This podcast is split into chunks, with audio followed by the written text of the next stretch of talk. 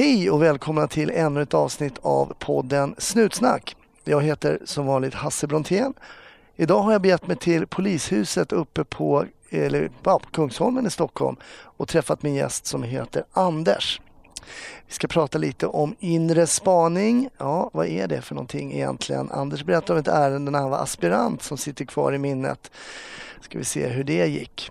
Och också om en eh, ganska emotionell händelse efter en tragedi som vi alla tyvärr känner igen.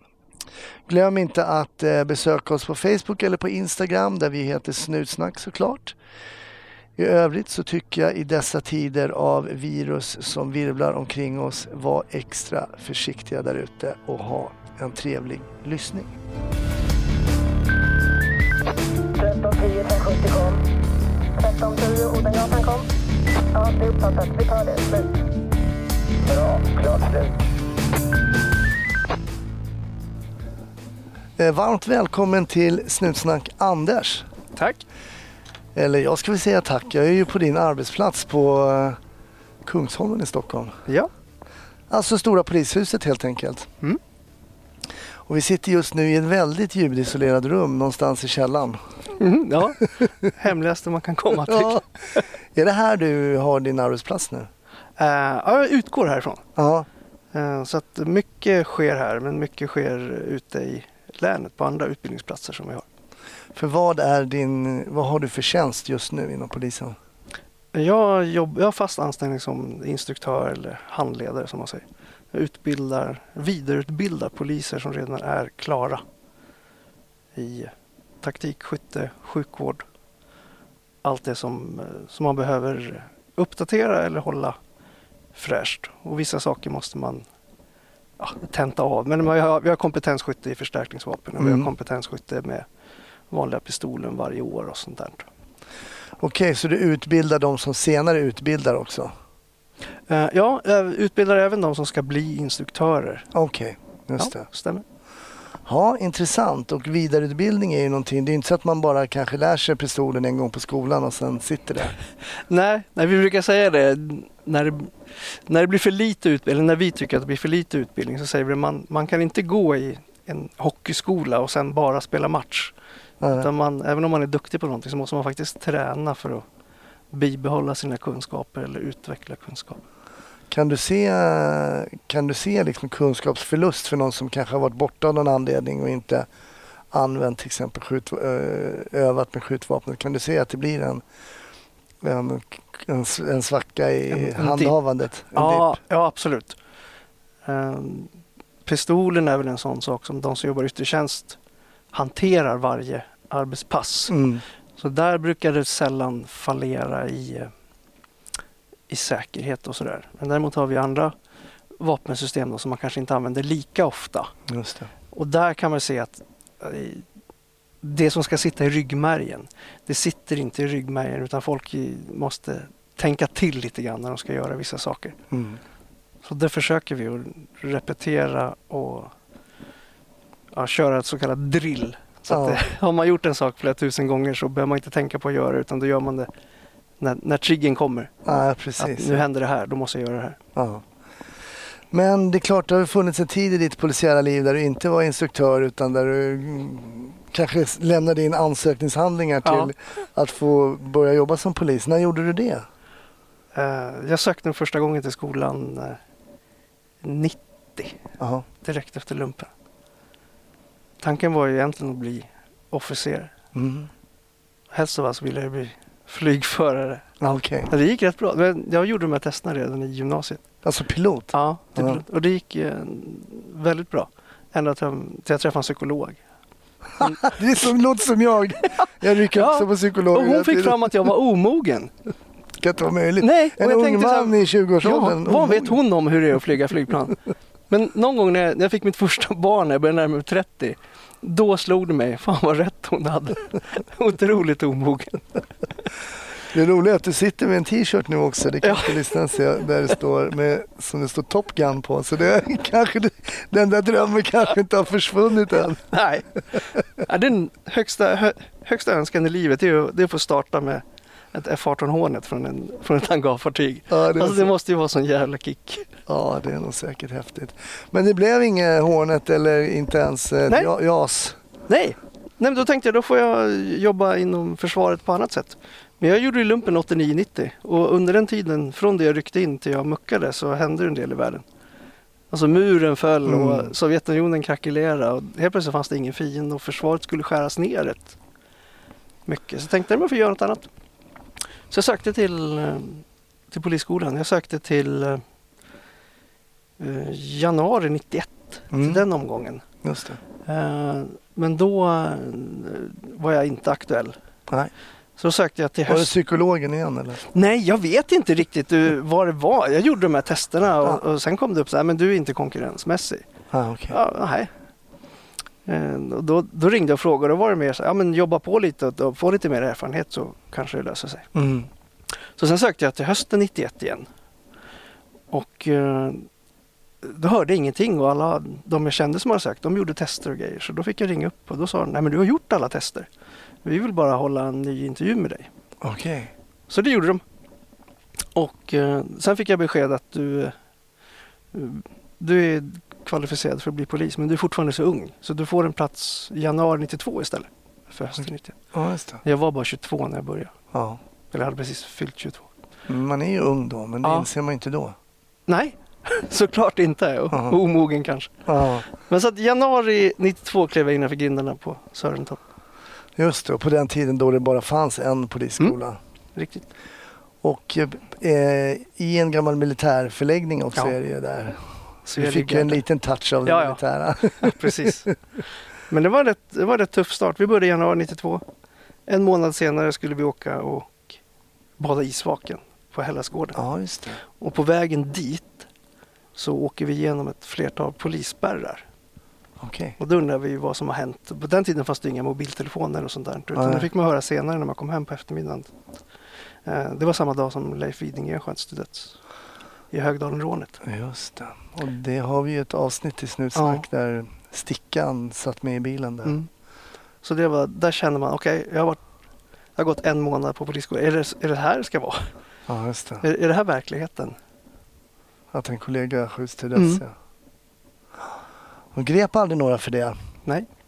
Även om man har starka misstankar om vem det var som den personen är också död. Men det har ju aldrig blivit bekräftat. I alla fall inte i, i domstol. Nej, det är väl det enda polismordet tror jag som inte är, Mm.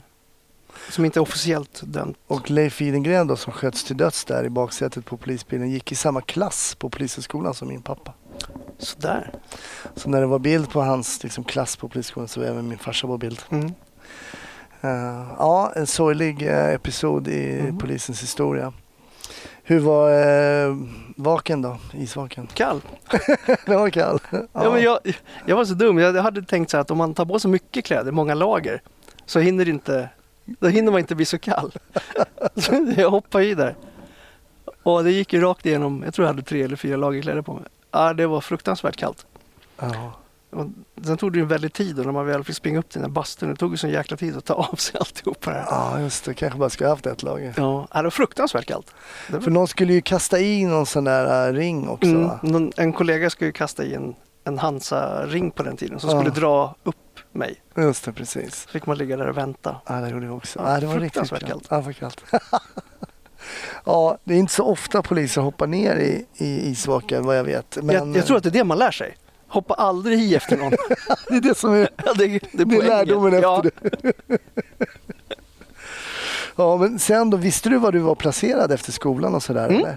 Ja. På den tiden var man ju, det var ju ett distrikt, jag tillhörde Huddinge polisdistrikt. Mm. Så det var ju Huddinge polisdistrikt som skickade mig till, till skolan. Och vi var ju anställda från första dagen.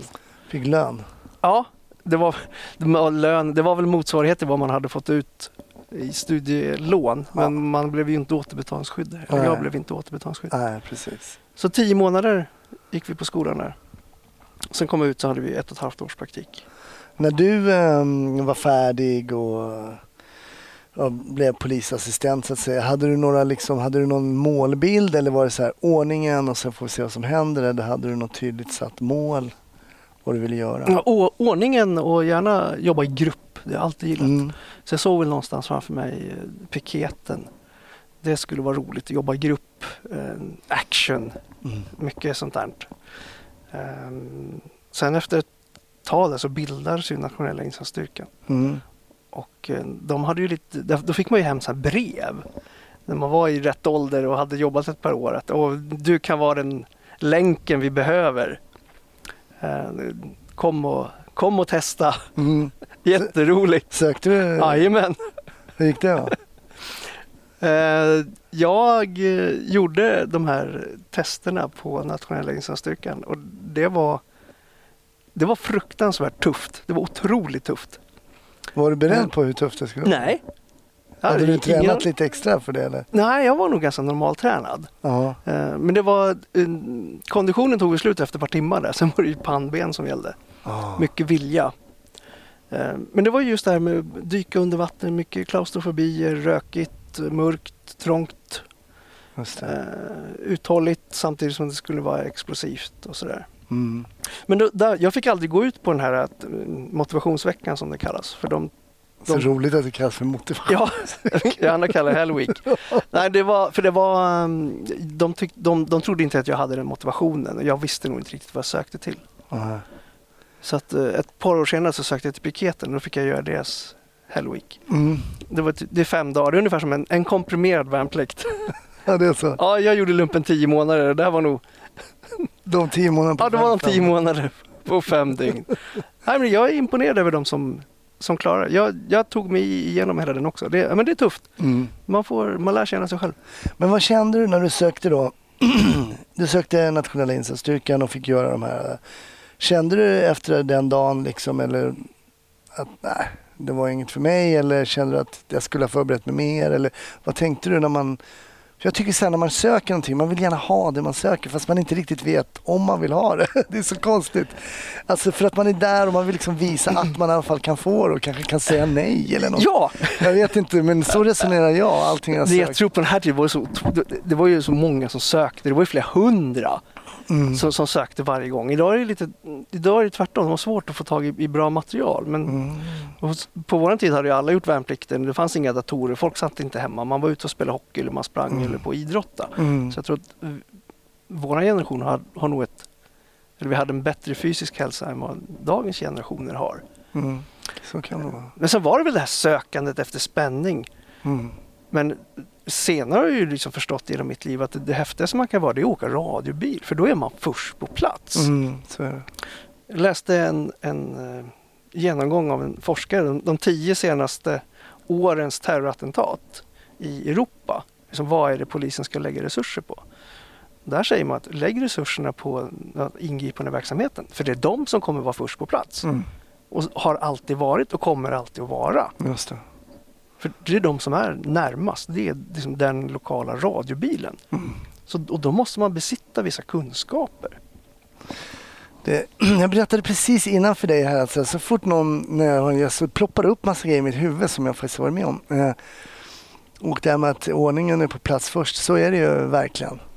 Och, eh, men då är min fråga till dig, jag, jag tänkte berätta en som ploppade upp men jag hoppar över den. eh, hur var det att jobba på ordningen i Huddinge? För Huddinge för mig var ganska eh, populärt eh, distrikt och hade ganska gott rykte. Eh, Jag var där under min praktik, Mm. 18 månader. Eh, När vi sen kom ut ifrån skolan och skulle bli polisassistenter, eh, då fick ingen av oss, jag tror vi var 14 stycken, ingen av oss fick komma till ordningen. För då skulle man starta någonting som heter närpolisverksamhet. Ja, du kom precis där. Eh, Så då fick man, några bli placerade på närpolisverksamheten, någon skulle bli placerad i receptionen i sex månader, för det fattades sig folk. Någon skulle till ett samarbete med försäkringsbolagen och besikta bilar som folk hade haft inbrott i, i sex månader. Och för mig var det, men jag, jag vill åka radiobil. Så då sökte jag mig till Södertälje faktiskt. Okej. Så att jag gjorde mina första år i Södertälje. Men, men tiden i Huddinge var fantastiskt kul. Det var unga poliser, väldigt drivet. Det hände mycket i det distriktet på den Mm, tiden. Och som aspirant så hamnade du inte i en buss. Utan Nej. du hamnade som tvåa i radiobil. Ja, det är ju häftigt. Då blir man ju verkligen in i Och hetluften eh, direkt. ja, förorter med mycket, mycket problem. Men otroligt drivna poliser. Mm. Ehm, roligt. Mycket, det hände mycket. Mm. Samtidigt som det är en landsbygd. Just det, precis. Så att du har ju hela Grödingelandet och Mm. den här biten. Så vi var ju på liksom älgolyckor, tra, trafikolyckor med älgar, eh, trafikolyckor med rådjur, E E4, E20 går rakt igenom, stora trafikolyckor när halkan kom. Just det. Eh, och sen de vanliga sn- snatterijobben och mycket eh, våld i hem, Mm. Narkotika. Så jag kände när jag kom tillbaka efter mina eh, ett och ett halvt år ute, när man kommer tillbaka till skolan och skulle gå grundkurs två. Om man jämförde med de som hade gjort sin praktiktjänst i city eller på tunnelbanan, Mm. då hade jag ju en bredare erfarenhet Mm, eh, av flera ärenden. Eh, Medan de som hade varit i stan hade nog mer erfarenhet av folksamlingar, jobba med mycket människor. Mm. Men de hade inte alls... Eh, när man satt och vad har, har ni varit på det här brottet? Har ni varit på det här brottet? Har ni varit på det här brottet? Då, då kände jag, ja det har jag varit på. Så, Ja, jak, jaktbrott liksom. Ja. Jaha. Ja, men det, jag kan nog ehm, bekräfta lite det du säger. För jag var ju i city och det var vi åkte mycket buss. Mm. Och eftersom vi var, vi var väl fyra eller fem aspiranter i en buss. Fem var vi. Och ehm, ibland var man ju inte alls etta på skrivet utan det var någon annan och någon annan tog mer tag i det och sådär. Så att det är klart att jag tror att det var oerhört mycket bättre för den polisiära vi- vidareutbildningen att åka som tvåa en radiobil. Mm.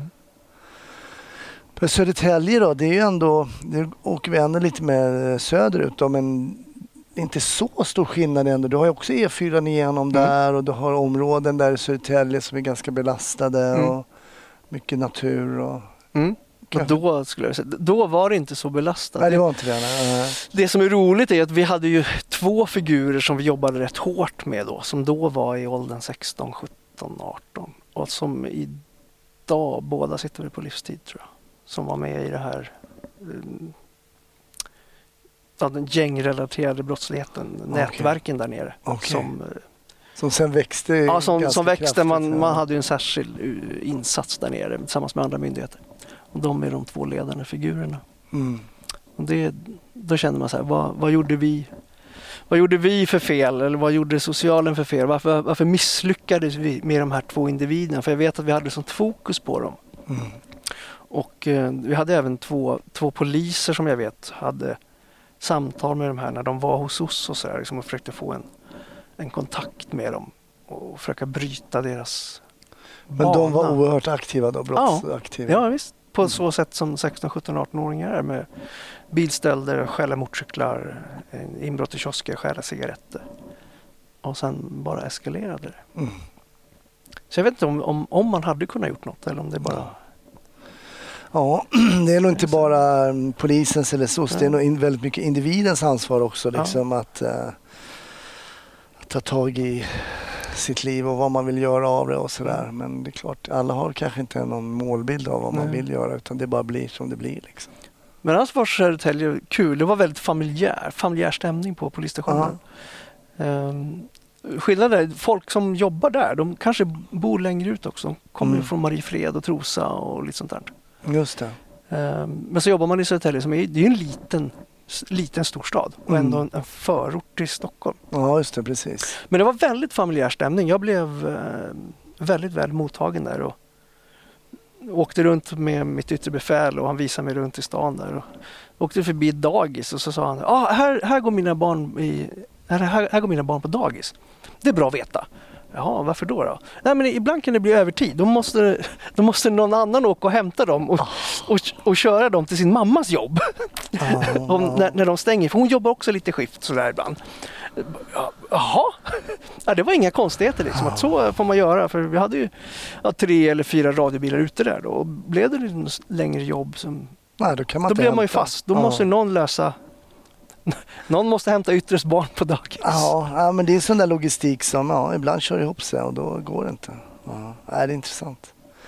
Ehm, vi pratade lite innan här så sa du, ja, men jag undrar om inte jag ska berätta en grej om inre spaning. Mm. Och då kände jag så här, ja. Eh, för att då ska vi reda ut tycker jag för lyssnarna lite. Vad, för det hör man ibland, inre spaning. Vad det är för någonting. Och jag antar att du har ett ärende just kring inre spaning. Mm. För det är ju så, yttre spaning förstår man ju kanske vad det är. Man tittar på personer, på bilar, vilka de träffar och så vidare. Och så vidare. Men den inre spaningen, vad, vad skulle, hur skulle du vilja beskriva den? Eh, Den inre spaningen så försöker man ta reda på så mycket man kan om det man, det man vill få tag på. Och eh, det ärendet jag tänker berätta om det är från 93 när jag var Mm. aspirant. Mm. Och då ska vi veta att då fanns ju inte sociala medier, Nej. det fanns inget Instagram, inget Facebook. Mobiltelefoner hade precis kommit Mm. eh, för, för gemene man. Just det. Och de var väldigt stora och klumpiga, ofta fastmonterade i bilar. Och det var väldigt dyrt att ringa både till och från de här. Annars är inre spaning, du kan ju ta reda på via Skattemyndigheten och Försäkringskassan var en person jobbar, var en person får sina inkomster ifrån. Just det. Eh, Du kan eh, vid vissa brott få ta del av personers deklarationer. Mm. Vad deklarerar de för för inkomst? Vad, på den tiden var man även tvungen att uppge vad man hade för förmögenhet. Och, ehm, man kan titta i fastighetsregister om folk äger fastigheter. Eller om man vistas i en fastighet, vem äger den? Mm. Eh, kan man se när den köptes. Och eh, ja, det, det går att göra väldigt mycket framför en dator. Det går att göra ännu mer idag. Och sen finns det ju också, eh, jag menar om jag, vi säger att jag jobbar som polis, träffar tre kända personer, vi säger att någon begår bankrån och någon är, så kanske jag skriver en minnesanteckning Mm. eller en promemoria eller något sånt där. Säger, Ja. De kanske inte begick något brott vid det tillfället men jag såg dem eh, fredagen den 3 april så såg jag dem på stan, kontrollerade dem, ingen var lyst eller så. Men noterbart är att då personen X var med Y vilket verkade lite konstigt för de är väl Mm. egentligen inte polare. Och Det kan ju också vara intressant att veta alltså de här um, kopplingarna som man då för in i ett register och ser vilka som har mötts Mm. och lite sådana saker. Då har den yttre spanaren sett någonting, skrivit en anteckning om det som den inre spaningen kan ha användning av då kanske till och med flera år senare. Just För det. där har man en koppling. Här, här har de här två träffats. Det här är ju rätt intressant för eh, jag tänker det är en del aspiranter som lyssnar och säger att det är inte oviktigt de här kontakterna mellan kriminella, se var de har varit och så vidare. Och så vidare. Och man kan lägga några minuter på att, Mm. på att eh, anteckna ner kanske vilka Mm. bilar de färdades i och vilka de, vilka de var tillsammans med och sådär. Och låta någon annan avgöra om det är viktigt eller inte. exakt ja. Mm. Man, en liten pusselbit. Själv kanske du inte förstår, eller jag kanske inte förstår eh, vad det här har med saken att göra. Men jag skriver ner det Just och det. skickar in det till, idag heter det väl underrättelseenheten. De kan sitta och pussla. Mm. Så inre spaning kan ju då alltså då ske efter ett brott är begånget, vad kan man, Mm. men också även före. Ja. Är det något på gång? Eh, Är det någon som ska göra något, eh, någon heist någonstans? Eh, Har vi hört någonting eller har det kommit in något tips? Ja men precis, det är ju ett av polisens mål. Det är ju att förebygga brott och det andra är då att utreda brott när det, när det har skett. Det bästa är ju om brotten inte sker. Sen har vi hört i Snutsnack också oerhört eh, noggrant liksom, utredningsarbete. Att man tittar på, vi hörde till exempel Peter som pratade om den här våldtäkten på den här lilla flickan. Eh, man kan se när en bild är tagen digitalt jämför med skickade meddelanden. Det här tar ju oerhörd tid. Mm. Men kan ju då om man är noggrann leda fram till väldigt bra resultat. Ja. Men berätta, du, eh, vad, vad, vad får dig att minnas ett eh, inre spaningsjobb från 93? Vad är det? Jag blir lite nyfiken. Dels var det ju ett, jag var ju aspirant så det var, allting var ju jätteintressant. Eh, men jag hade, jag hade gjort tre månader på stöldroten som det hette då. Och sen skulle jag göra tre månader på, på spaningsroten. Så fick jag två stycken handledare där, lite äldre. Min första tanke var ju så här, var, varför jobbar vi inga nätter? Varför jobbar vi inte längre kväll? Varför jobbar vi nästan bara dagtid? Just det.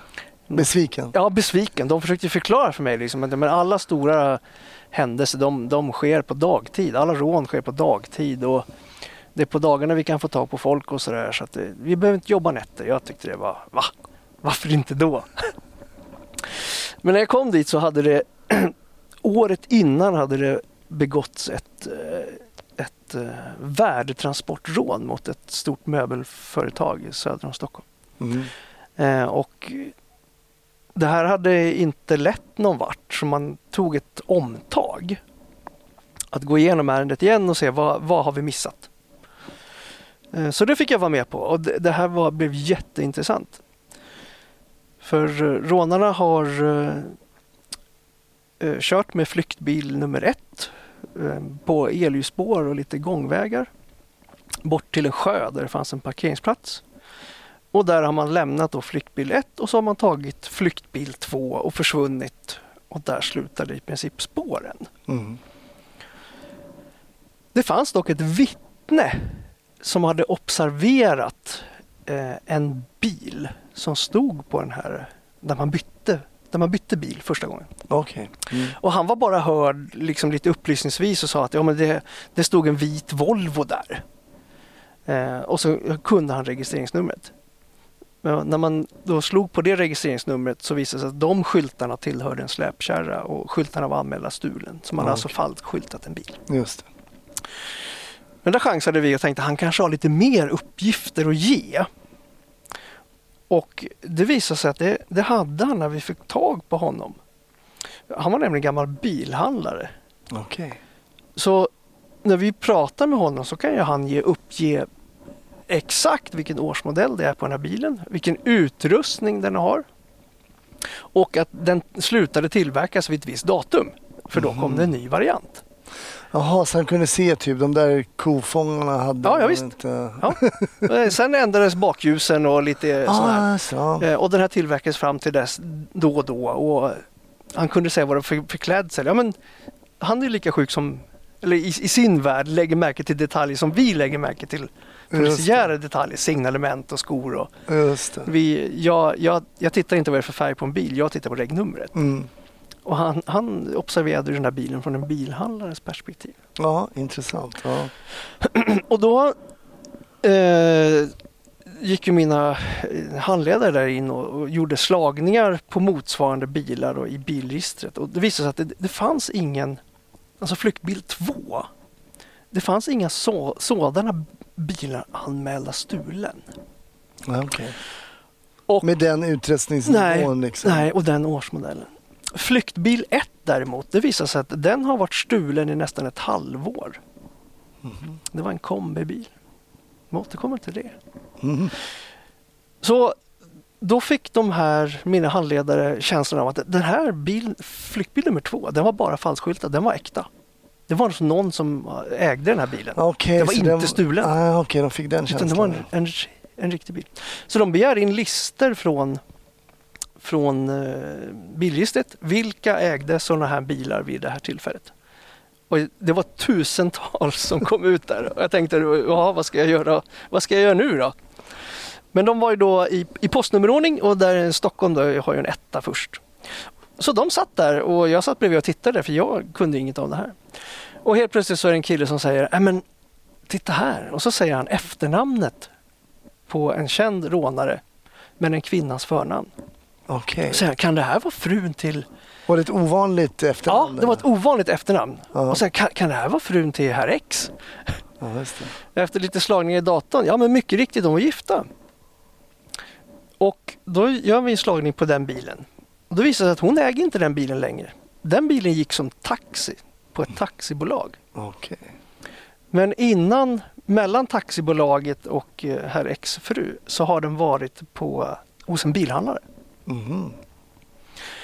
En ny slagning gav ju då att eh, den här kvinnan hon äger nu en sprojtans ny på den tiden 940.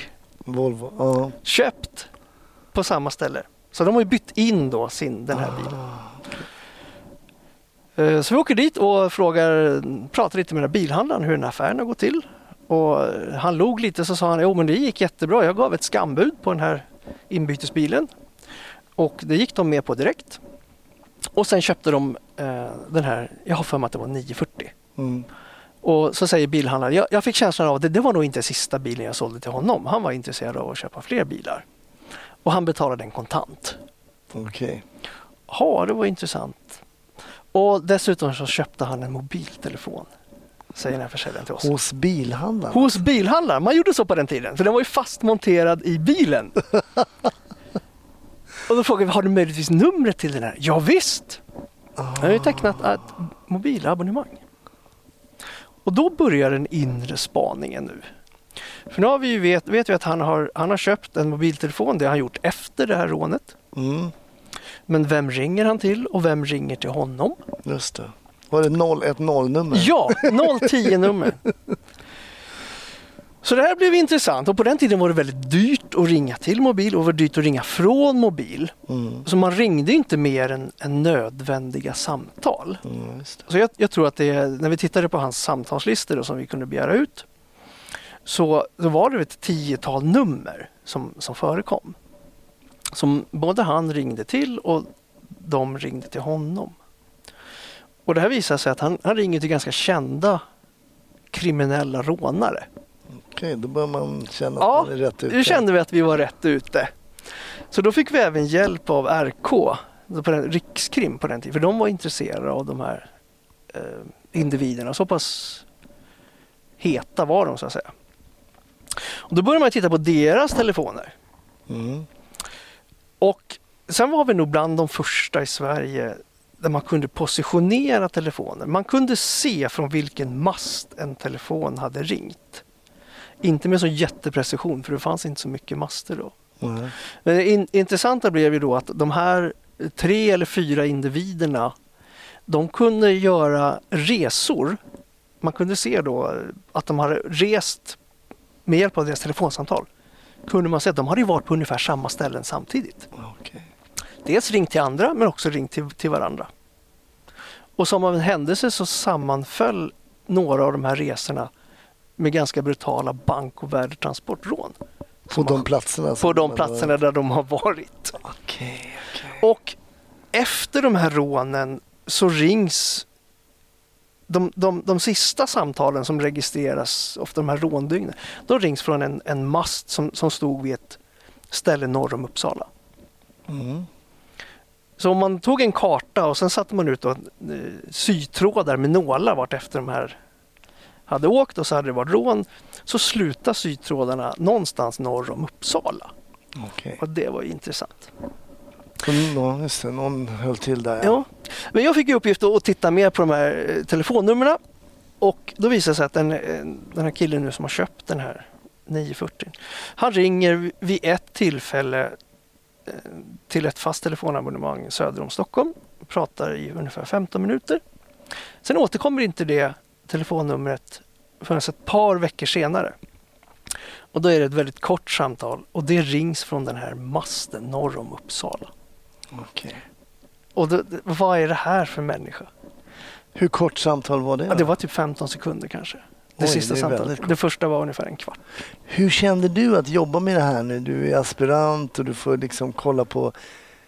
Är det, är det spännande också att sitta med de här grejerna fast man sitter då kanske inne på stationen och går igenom listor? Hur, hur, hur kändes det här för dig? Det blev ju det. Jag tyckte det var jättetrist att sitta på kontor.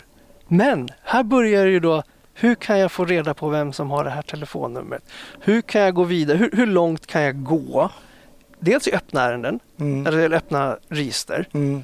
Och vad behöver jag för beslut, kanske av en åklagare eller en domstol, för att ta reda på mer saker om den här personen? Vilken misstankegrad behöver jag ha? Till exempel nu på, nu, nu vet jag att vi har två telefonsamtal till ett nummer som aldrig har ringt tillbaka, inte gjort någonting. I brottsregistret finns inte den här personen. Mm. Vad, vad kan jag vilka, vil- vilka register får jag använda och vilken form av tvångsmedel? Kan, kan, förhö- kan vi åka och prata med den här personen? Kan jag förhöra den här personen? Kan vi hämta den här personen till förhör? Mm. Och samtidigt, vad, förs- vad skulle det förstöra för Ja, utredningen om den här personen får veta att polisen är intresserad av den här? Vad var det för eh, tjomme som hade det där numret då? Ja, det här, det här blev ju intressant och eh, jag har för mig idag att, att det var Rikskrim som tog den pucken och hängde på honom ett tag och se vad det var för någon. Okej. Mm. Eh, och sen det här är så länge, men jag har för mig att när vi, när, vi, när vi träffar dem, då har de närmat sig honom via lite arbetskamrater och sådär. Okej. Och även, det, det stämde med, med fastighetsregistret. Han äger en sommarstuga i det här området. Och enligt uppgift då så säger han, den här har jag hyrt ut. Okej. Och via, på den tiden, Gula Tidningen. Ja, just. Gula Så- tidningen. Vi kanske ska berätta för er lyssnare som inte kommer ihåg Gula tidningen. Men det var ju alltså dåtidens Ja, Blocket. Blocket på papper. På papper. Ja, det kom ut två gånger i veckan tror jag. ja, det var spännande att Små annonser. Ja. Så det troliga är då att det första samtalet då har den här rånaren ringt på annonsen på Blocket och vill hyra den här eh, huset. Mm. Och vid andra tillfället så har han ju ringt ifrån huset och frågat om någonting bara. Så så var det. Då blev det ju intressant. Det där huset blev ju jätteintressant. Någonstans norr om Uppsala. Och nu visste vi ju via fastighetsregistret att den här killen har ju var exakt var den här låg. Mm. Så då var det ju dags att åka upp dit. Eh, Jag fick inte vara med. I, det var ju lite antiklimax. Ja, det var lite antiklimax. Men Ja. eh, jag har hela storyn. Ja. De åker upp där och åker runt, runt och tittar och sådär. Och så blir man då liksom, ja, men ska vi prata med grannarna eller inte? Mm. Men när de åker där, ja, då, då står ju grannen givetvis i, i sin brevlåda och tittar. Precis. Det här är ju en person som har koll på vad som händer i området. Så de stannar och han undrar, ja, vad gör ni här? Och då frågar de om eh, den här killen har sett ägaren till grannhuset, alltså han som har hyrt ut, om man har sett hon, honom på ett tag. Mm. Och då säger han nej, och jag har inget telefonnummer till honom men jag, jag tror att han har hyrt ut och det är det, det är lite konstigt det där nere. Ja, säger de. På, på vilket sätt då? Ja, tidigare under året så, så körde de hit en ganska ny kombibil. Sen stod den under en pressändning i tre månader. Oj. Jaha, säger de. Vad kan det vara för bil då? Och då frågar han, men vilka är ni? Och då säger de, men vi, vi kommer från polisen, vi är också intresserade av det här. Då bjuder han in dem. Då har han varit nere och smygit under den här pressändningen såklart och tittat på registreringsnumret Åh, och skrivit upp det på en lapp det, det och lämnar det till polisen och säger den här bilen stod där i tre månader. Och det visar, det är flyktbil 1. Ja, det är det. Så man har stulit flyktbilen, gömt den här uppe. Och, ehm, Och sen tagit en falskskyltade... och sen, nej, sen har man ju tagit den här till, till rånet. Ja, just det. Och sen har man använt den som flykt, flyktbiljett och sen har man då använt en, en riktig bil fast falskskyltad som flyktbil. Ja, en icke stulen då, fast, Ja. fast falskskyltad. Ja. Så då visar det ja men då, nu är vi ju sä- säkra. Här har jag alltså en, en bil som har blivit stulen, den har stått där i tre månader innan rånet användes. Det här, det är ju dem. De är, nu gäller det bara att försöka få till det här. Mm. Eh, Så efter ännu mer utredning sen så slutar jag på span och går till ingripande verksamheten i Mm. min praktik. Och en dag så får jag veta att eh, imorgon ska ni börja klockan 05. Jaha, varför då? Vi kan inte säga mer, ni börjar 05. Och då kommer vi in i utsättningsrummet och jag har aldrig sett så mycket poliser. Ja, då hade jag aldrig sett så mycket poliser. Då var det dags för tillslag mot de här rånarna. Så jag tror vi slog till på fyra eller fem olika adresser i, både in i innerstan Ja, vad roligt. Du fick ja. vara med då Ja, då fick det. jag vara med. Så vi gick in hos de här eh, alla misstänkta rånare och grep dem och vi grep då även till exempel frun i det här fallet. Hon har ju stått skriven på en bil som vi var ganska säkra på hade betalts med rånpengar. Så det blev ju någon form av häleri på henne. Eh, sen åker det även upp ett gäng då till den här stugan. Och det är ju jackpot. I den här stugan så hittar vi ju otroligt mycket pengar. Ligger i frysboxen, det ser ut som mat och lite annat. Och sen finns det då så en så här insatsväska ungefär som vi har. En, en sån som står där. Ja, just det. Det Som en, en lite, som en Svart hockeytrunk. stor hockey. Ja, sådana Ja. hockeytrunkar fanns det. Och det, det var då de här rånarnas insatsväskor. Så när man öppnade dem där så låg det då pumphagelgevär, automatvapen, eh, rånarluvor, overaller, allt man behövde för ett rån. Så det, det här hade varit deras... Där träffades man innan rånen hämtade grejen och dit åkte man även och gömde. Vilket man då pengarna. kunde misstänka när man såg den där och det är ju bara en mast och man vet inte vad är det som händer Mm. här liksom. Så från ett Ett iskallt ärende egentligen. Ja, då. från att ha, ha lyckats en, träffa en person som kunde beskriva en bil till mina två handledare som var väldigt rutinerade som hade personkännedom om ett visst namn.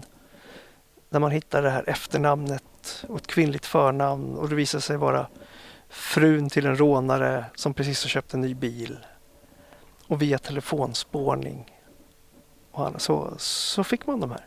Och man fick ju dem på betydligt fler rån än... För de, du berättade En- att du hade ja. varit iväg lite. Ja visst, och där hade man ju övervakningskameror på den tiden, kanske inte samma kvalitet som idag. Men flera av de här vapnen var ganska unika i, i Mhm. utseendet, det kunde man se på bilderna. Mm, Ehm, jag man hade även eh, man kunde se att de hade checkat in på hotell i närheten. Och det blev indiciemål och sen teknisk bevisning. Så jag har för mig att de, de fick rätt, eller jag vet att de fick väldigt långa fängelsestraff. Och de fälldes nog inte för alla de här värdetransportrånen och bankrånen, men, men många av dem.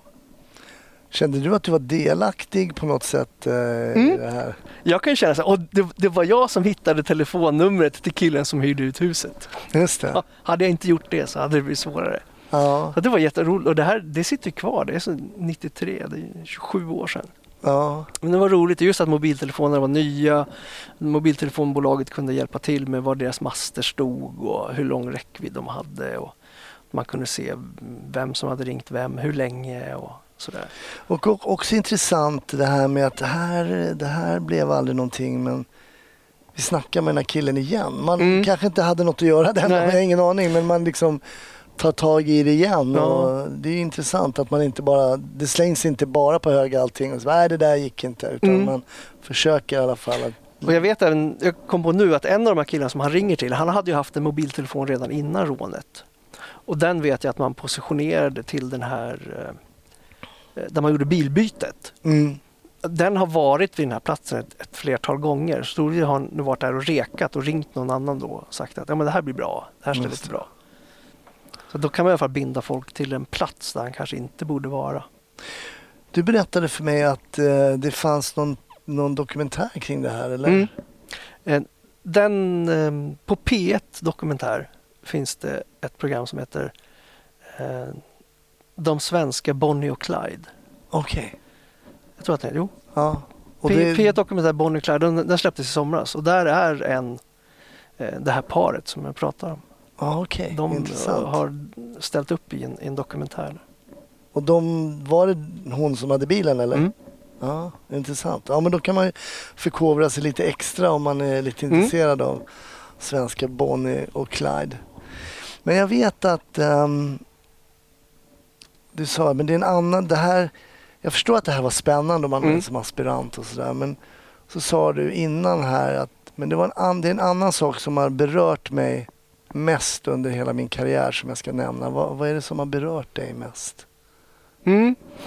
Och vi satt och pratade innan det här och då, då berättade jag, jag har en, en, en kompis som är sjuksköterska som åkte med oss i en bil.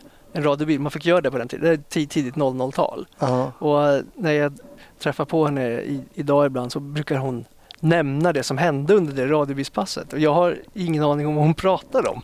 ja du har glömt bort Jag har glömt bort det. För det är så mycket som händer som, som man kanske måste förtränga eller som man skakar av sig som polis. För vi träffar på så mycket skit. Vi jobbar ju på samhällets baksida. Antingen så griper vi de som är kriminella eller så träffar vi de som har blivit drabbade av brott. Mm. Det är inte, det är inte så glamoröst. Nej. Ehm, Det var ett, ett, eh, eller en period som, som berörde mig mycket som polis. Det var ju tsunamikrisen. Ja. Eller krisen, tsunamikatastrofen. Mm. Då jobbade jag i city och eh, vi fick bemanna Arlanda. Mm. Eh, Runt nyår började de här drabbade personerna komma hem. Just det. Och då skulle de mötas upp. Vi satt längs stora bord. Vi skulle identifiera dem. De skulle berätta vart de har varit och de skulle berätta vi- vilka de saknade. Mm. Eh, Och där, alltså folk kom i sandaler, kortbyxor och en söndersliten t-shirt i december.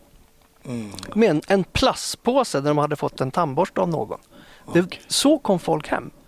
Det var riktigt hemskt. Och det, det som eh, jag tar med mig därifrån, det var en, en familj som kom med sina barn och ytterligare ett barn. Okej. En flicka på fem år. Oj. Så de kommer fram till de här bordet och säger, men vi heter det och det och det här är våra barn. Men det här är en flicka, hon är svensk, vi hittade henne på stranden. Vi, vi tog med henne hem. Oj. Och det var, jaha. Flicka i femårsåldern, hon kunde väl säga vad hon hette i princip. Eh, var allmänt chockad. Mm. Eh, Men den här flickan tas om hand av sociala och en, en kvinna från kyrkan. Eh, In, inte präst, men någon form av funktion i, i kyrkan. Eh, Så de går iväg till ett rum och sitter där och pratar. Sen efter ett par timmar så kommer hon tillbaka till vårt bord, den här kvinnan från kyrkan, med ett jätteleende och tårar som rinner. Då har hon ringt till sin eh, motsvarighet på, på Malmö flygplats. Okej. Eh, där det också har anlänt folk som, som landade där nere. Och då har hon berättat om, om den här eh, tjejen som är fem år. Och, och då berättar hon i Malmö att hon har varit med om något motsvarande. En pojke som är nio år som har kommit och han saknar sina föräldrar och han saknar sin femåriga lillasyster. Och så säger hon i Malmö vad han har sagt att lillasyster heter. Och då säger hon här i Stockholm, så heter ju den här femåriga flickan. Så efter lite diskussion däremellan så visar det sig att ja, men det är ju lillasyster och storebror har kommit hem till Sverige utan föräldrar. Mm. Men till varsin flygplats. Och den här nioåriga pojken han var ju lite mer eh, kavat när det gällde att prata och så. Så där hade man ju kunnat ta reda på anhöriga som kunde komma och hämta honom. Så nu blev det ju full fart på Arlanda där att fixa ett, flygbiljett ner. Så det slutade med att bara efter ett par timmar så fick den här flickan och den här kvinnan från kyrkan, de flög till Malmö. Så de här syskonen var tillsammans igen. Ja, det var, ja, det var så läckert. Ja, Jag vet tyvärr inte om deras föräldrar kom tillbaka eller inte. Det har jag inte någon koll på. Men risken är att de inte gjorde det eftersom hon hittades. Men ändå en samband med sån traumatisk händelse som tsunamin, att bara få återfå någon Ja, och inte få vara ensam låter ju helt fantastiskt. ja. Och just att de här två ringer varandra. De här Ja. kvinnorna från kyrkan ringer och vill prata av sig. Och så där så, det hade troligen gått flera veckor innan man hade gjort de här kopplingarna sen. Just det. Ja, är intressant för precis innan du berättar den här historien så berättar du lite om, om yrket. Du sa att man griper kriminella så träffar man kriminella, eller de som blir utsatt för brott. Och sen berättar du en sak som är i din minne som inte alls har med det här att göra. Mm. Utan som är en ganska emotionell, mänsklig eh, sak att få träffa sitt syskon. Liksom. Det poppar verkligen upp som du sa, det som berörde dig Mm. nästan mest. Hittills ska vi väl säga då, men Mm. men eh, det kan man verkligen förstå. Bara möta de här människorna som kommer. Man kan se bilden av eh, sandaler och, Ja, och den klädseln i december. Det här är också en, en sak som jag, när jag började som polis, då hade inte jag några barn. Nej. Och alla pratade om att det är så hemskt med, i ärenden med, med barn. Mm. Och jag förstod inte det. Nej. Förrän jag själv fick barn. Mm. Det sker ju någonting med en. Ja, det det. Det är ju det, är det vi ska liksom försvara och de får aldrig hamna i, i, i kläm. Nej. Så nu när det är barn, och det tror jag är för att man har relaterat sina egna barn. Ja, såklart. Och, finns en väldigt intressant eh, dokumentär på Netflix som heter Första året. Eh, det handlar om barnen alltså, och vad som händer med oss när vi blir föräldrar. Okej, Vad som händer med Ja. våra hjärnor.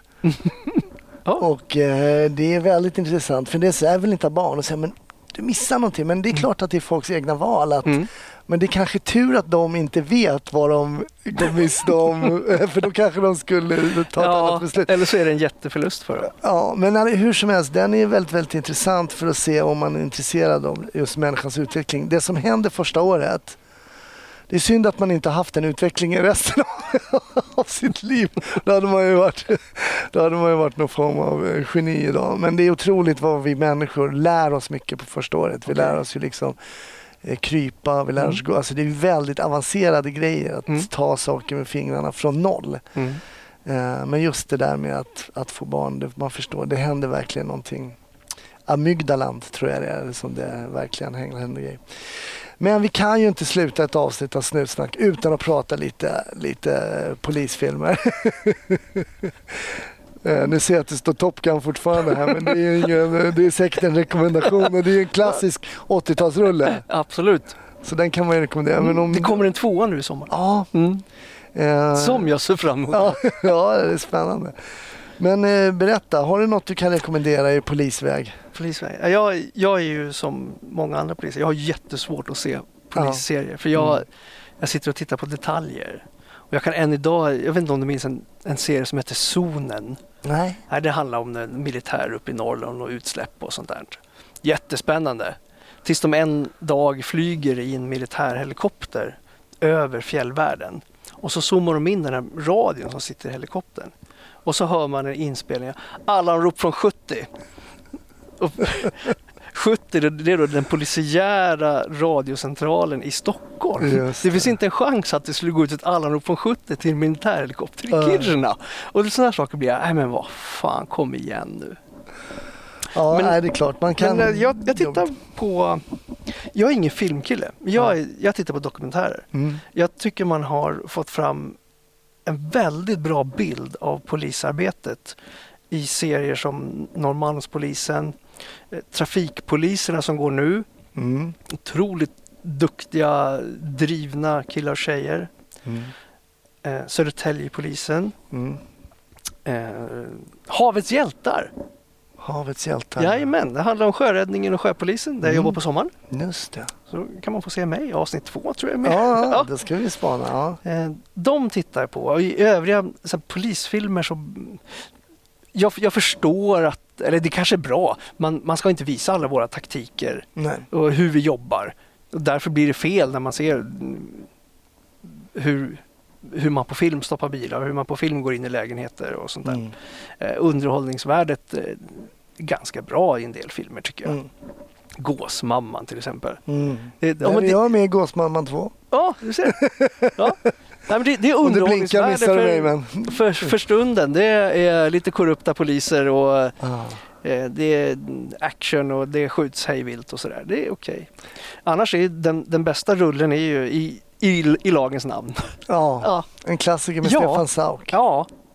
Eh, varför den är bra, det, det vet jag inte riktigt. Men det känns som att om, om man inte gillar poliser och tycker att piketen åker bara runt och spöar folk och är kaxiga och så här, då blir den den är så stereotyp den filmen, Ja, för den det är är precis så. Det är den enda filmen där man inte har... eh, Där polisen inte lånade ut några attiraljer eller Ja. bilar eller någonting för man tyckte den var för poliskritisk och vi visade en felaktig bild av polisen. Alltså det, det, det är så klassiska scener i den där. De kommer in med den här pundan på, Ja. eh, eller den missbrukaren på, på Norrmalm där och kastar upp grejer, koben och skruvmejslar inför, inför förundersökningsledaren. Så säger de, ja det här borde väl räcka för förberedelse. och den här förundersökningsledaren han sa, ja jag får se vad åklagaren säger. Bittert. Det är så bra. Ja men den, eh, det är en bra rekommendation. Jag var faktiskt med, jag hade en mindre roll här nu i en film som kommer upp senare år, kanske till jul. Jag vet inte, heter Snälla kriminella heter långfilmen. Och då eh, spelar jag faktiskt polis, en kort scen där. Men så är det en kille som spelar polischef och min scen skulle spelas in senare och då sa han så här, ah, alltså, vad, vad tycker du, är det så här det går till liksom? Alltså frå, snälla, fråga inte. För det var, det var så här klass, ni har inte skött er, jag sätter det på trafiken. Och det, liksom, det går inte till så. Man Nej. kan som chef inte bara kasta ner någon på trafiken hit och dit. Men det är kul, jag tycker det är roligt. eh, Men jag är också en stor fan av dokumentärer. Så vi, vi tar dina råd här eh, med de, de som du nämner. Stort tack Anders. Jättetrevligt att jag fick komma ner här i den här bunkern. Mm, tack.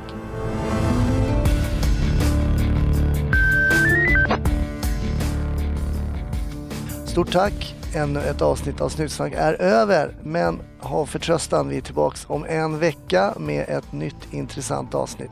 Ha det bra till dess så hörs vi. Hej!